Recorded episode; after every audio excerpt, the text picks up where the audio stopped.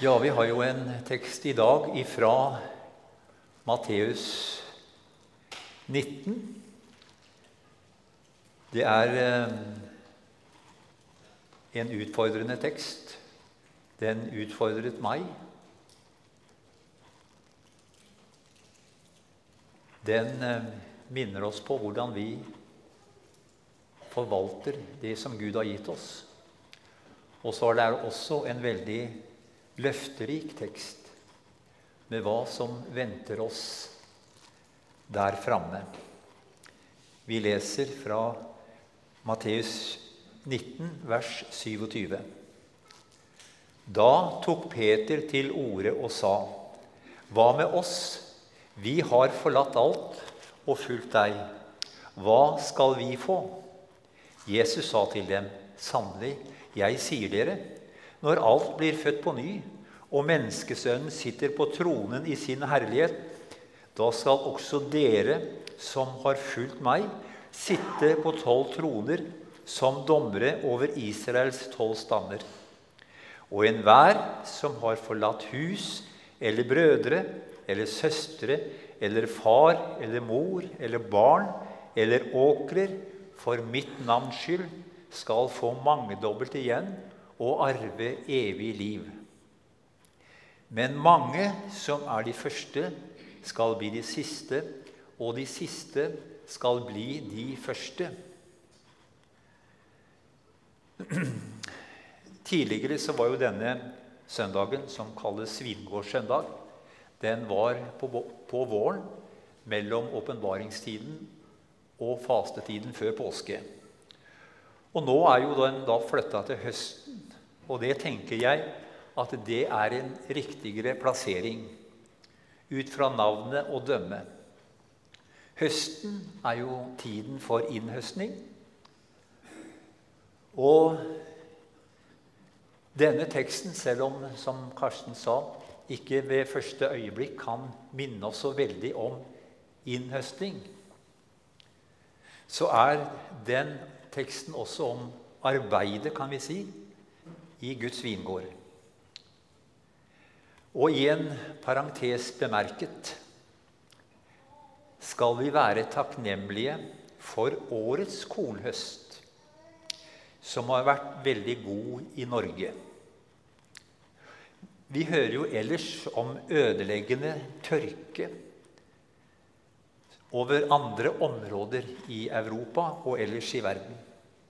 Og krigen i Ukraina, som har gjort forsyningssituasjonen for matkorn veldig vanskelig for enkelte mennesker. Så vi må huske å takke, for, takke Gud for de gode dyrkningsforhold som Han har gitt oss i Norge dette året. Men nå var det arbeidet og tjenesten i Guds rike, i Guds vingård, vi skulle snakke om.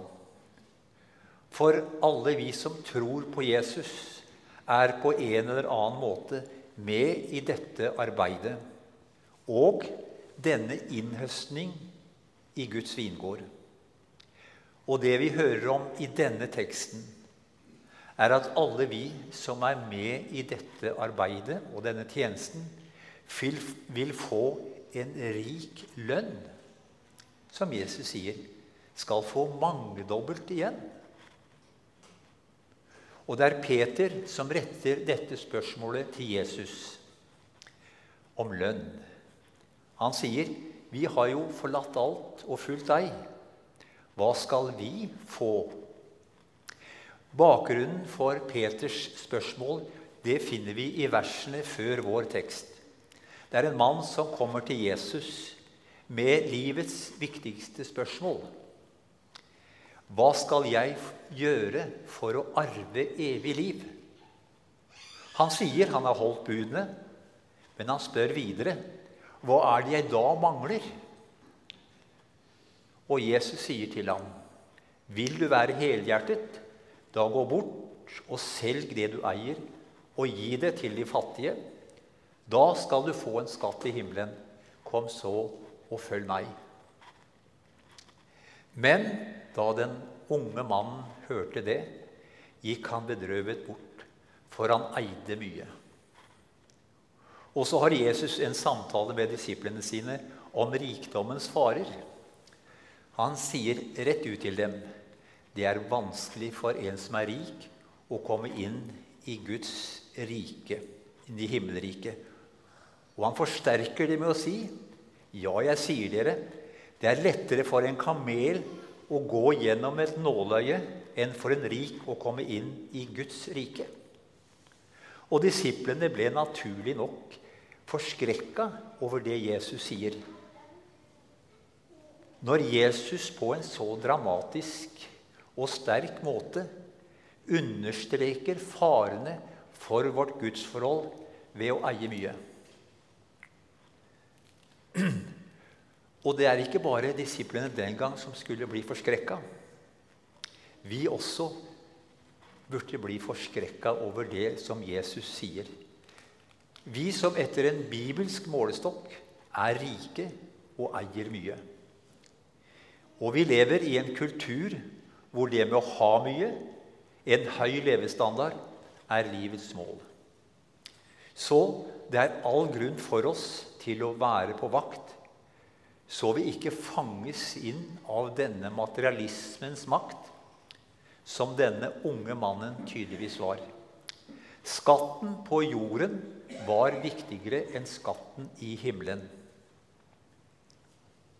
Og Disiplene spør da Jesus etter det han har sagt, hvem kan da bli frelst?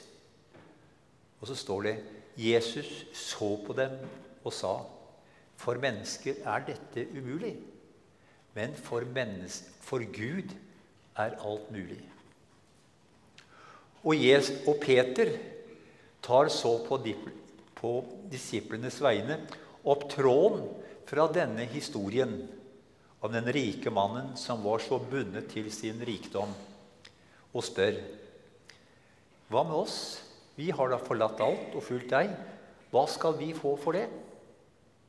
Vi har da, i motsetning til den rike mannen, virkelig forlatt alt og fulgt deg.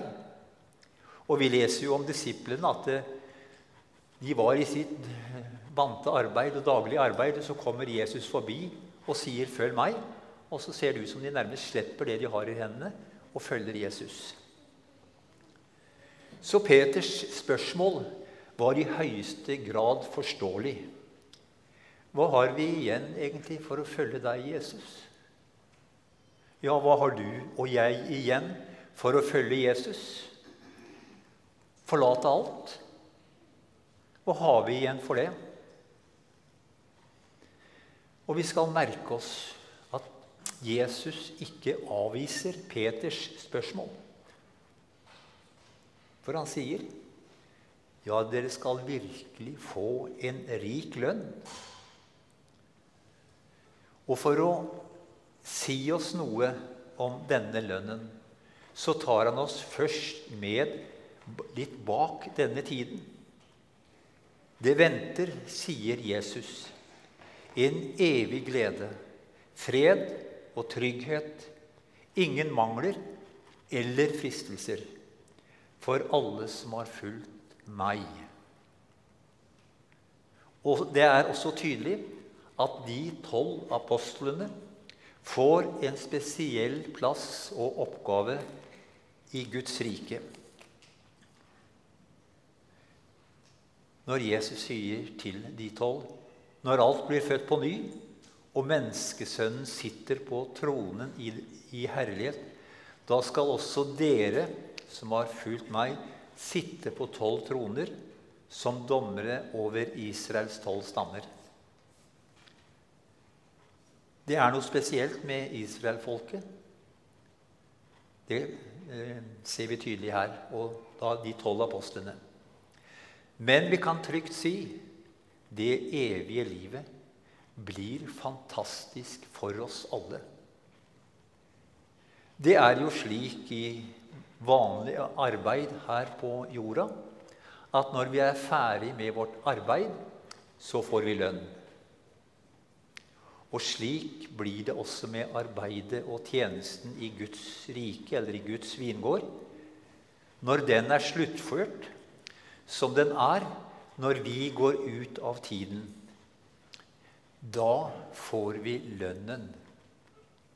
Nådelønn, det evige livet, med alle dets goder og velsignelser.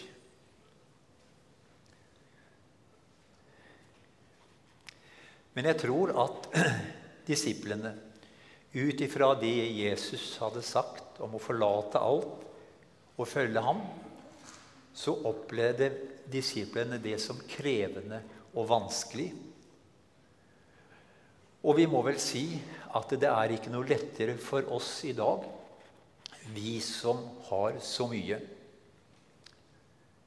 Men nettopp derfor så vil Jesus ha oss til å rette blikket mot det vi får.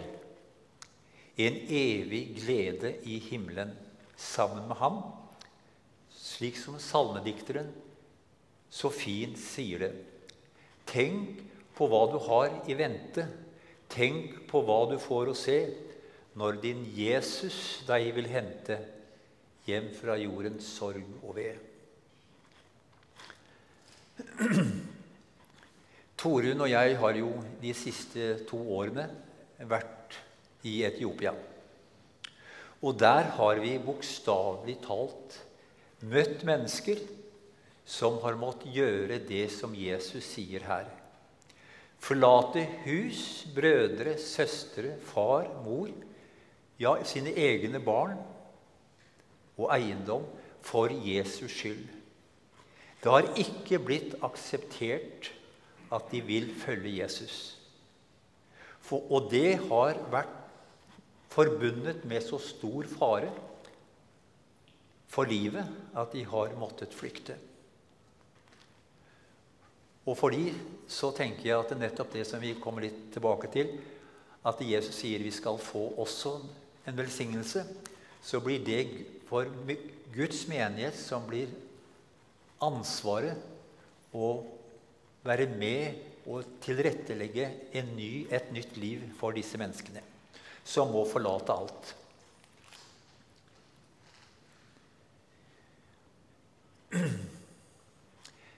Men hva tenker så vi som vil følge Jesus i dag, i vår tid, vi i vår menighet, om det Jesus her sier?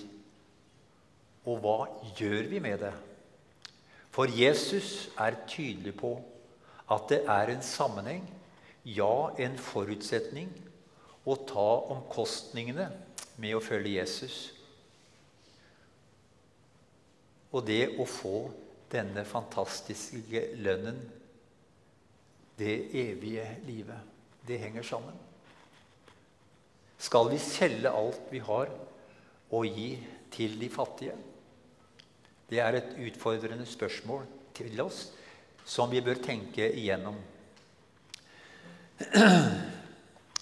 Jeg tror ikke det var det Jesus mente, at vi alle skal kvitte oss med det vi eier, eller det som vi er glad i. Men et bilde på hvilken prioritet det med Gud og Jesus skal ha i våre liv. Jesus sier noe hos evangelisten Lukas som kan hjelpe oss til å forstå det Jesus sier her hos Matteus.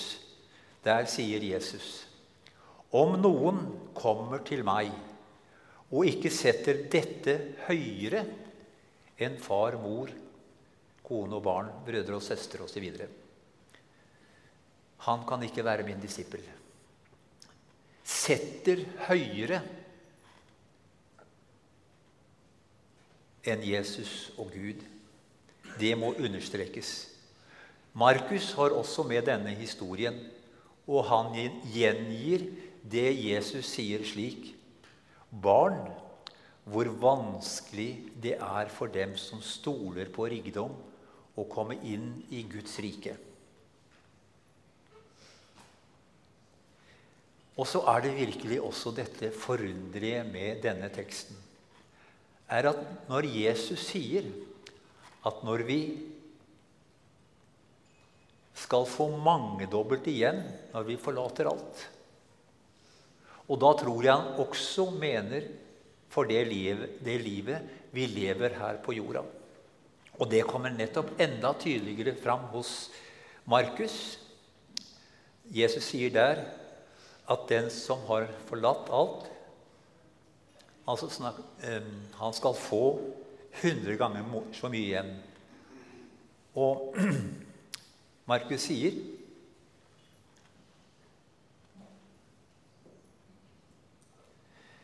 I den tiden som nå er, altså nå i våre liv her på jorda, i den tiden som nå er, skal han få hus, brødre, søstre, mødre, åker, barn, men også forfølgelse.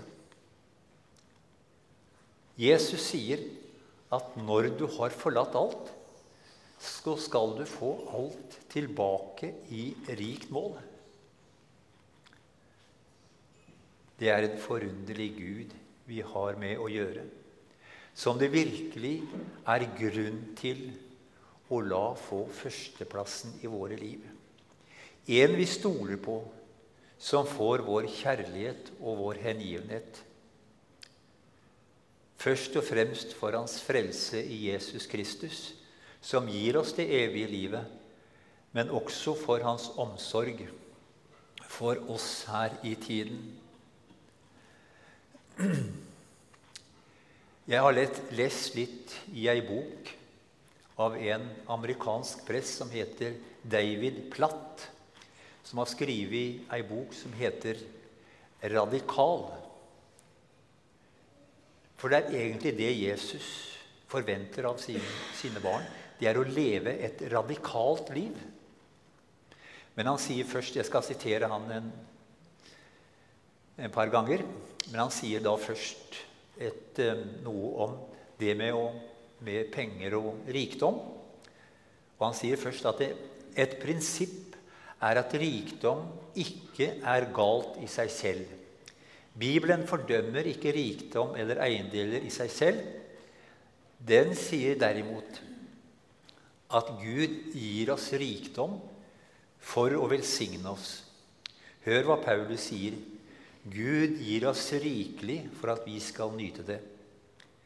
Det ville være veldig leit hvis noen som leser dette kapitlet, fikk det for seg at penger og eiendeler i seg selv er onde. De er faktisk gode gaver som Gud har gitt oss for at vi skal nyte dem og bruke dem til å formidle Hans herlighet. Og jeg tror vi kan slutte oss til det han sier.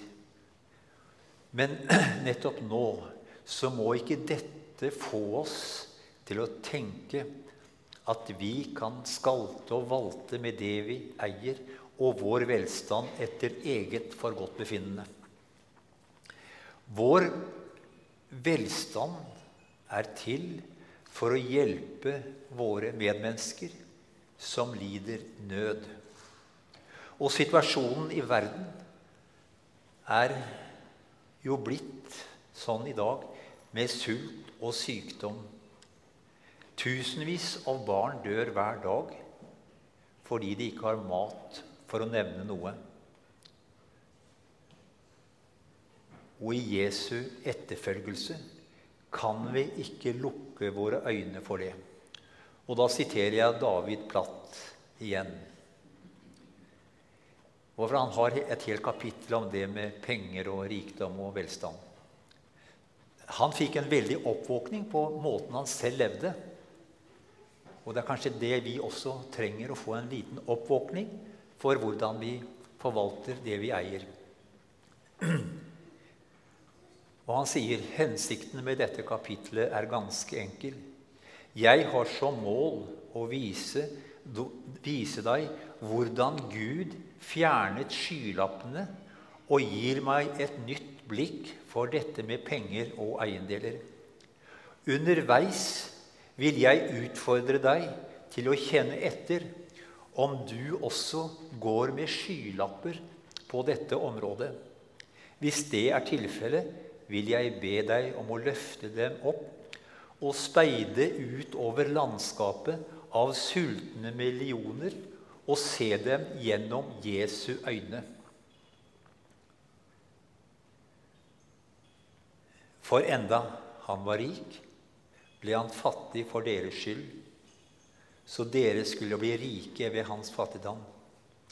Samtidig så utfordrer jeg deg til å la evangeliet radikalt forvandle hvordan du tenker om det du eier, og måten du bruker det på. Og i, allerede Jeremia, på, eh, på, Jeremias tid så var jo dette et problem. Og vi leste jo det at, eh, at han sier For jeg er Herren som viser miskunn, rett og rettferd på jorden. Ja, slik vil jeg ha det, sier Herren. Og når Jesus kommer igjen, så vil han si til de som får være med inn i det evige riket. For jeg var sulten, og dere ga meg mat. Jeg var tørst, og dere ga meg å drikke. Og Bibelen har jo så mange advarsler til oss om rikdom og velstandens farer. For det kan bli en makt som drar oss bort ifra Jesus. Og da, for å sitere Platt enda en gang han sier for sin egen del Det jeg lærte, er at krigen mot materialismen i hjertene våre nettopp er det en krig. Vi har stadig en kamp for å motstå fristelsen til å skaffe oss flere luksusartikler, kjøpe flere ting for å leve i større bekvemmelighet. Det kreves enorm viljestyrke for å følge evangeliet midt i en drøm som definerer suksess som å klatre oppover rangstigen. Finne seg større hus, kjøpe seg finere bil, dyrere klær, spise bedre mat og kjøpe seg flere ting. Ja, hva skal man si til dette? det treffer meg. Når Jesus snakket med sine disipler om rikdommens farer, så ble de, som jeg nevnte, forskrekka og spør hvem kan da bli frelst? Og jeg tror de nettopp da kjente på noe av denne veldige bindingen som er mellom det Bibelen kaller mammon og våre hjerter. Og Jesus svarer for mennesker er det umulig, men ikke for Gud. For Gud er alt mulig. Så nettopp vårt håp ligger der. Gud kan omprogrammere våre hjerter fra å elske mammon til å elske ham først og fremst.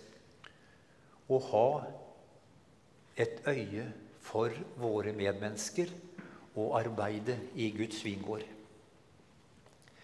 Som Platt sa, la evangeliet radikalt forvandle hvordan du tenker om det du eier, og måten du bruker det på.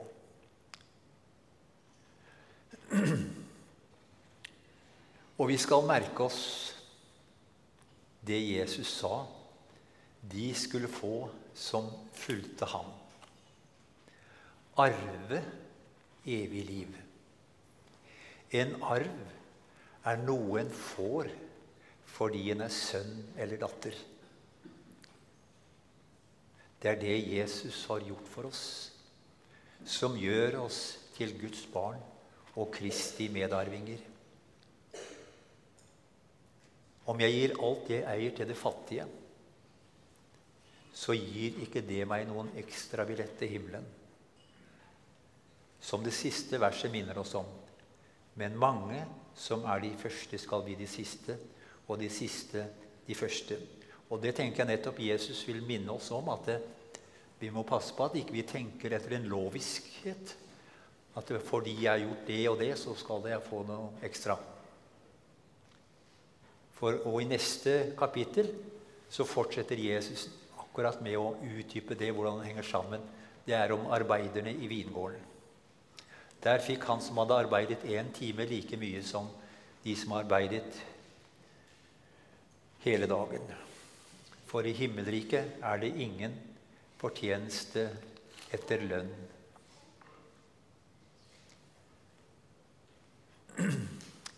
Jesus sier jo at de som følger ham, skal få lønn, som i realiteten er en nådelønn. For å uttrykke at Guds rike, i Guds rike det handler ikke om å gjøre seg fortjent, men om å bli benådet og få et nytt liv.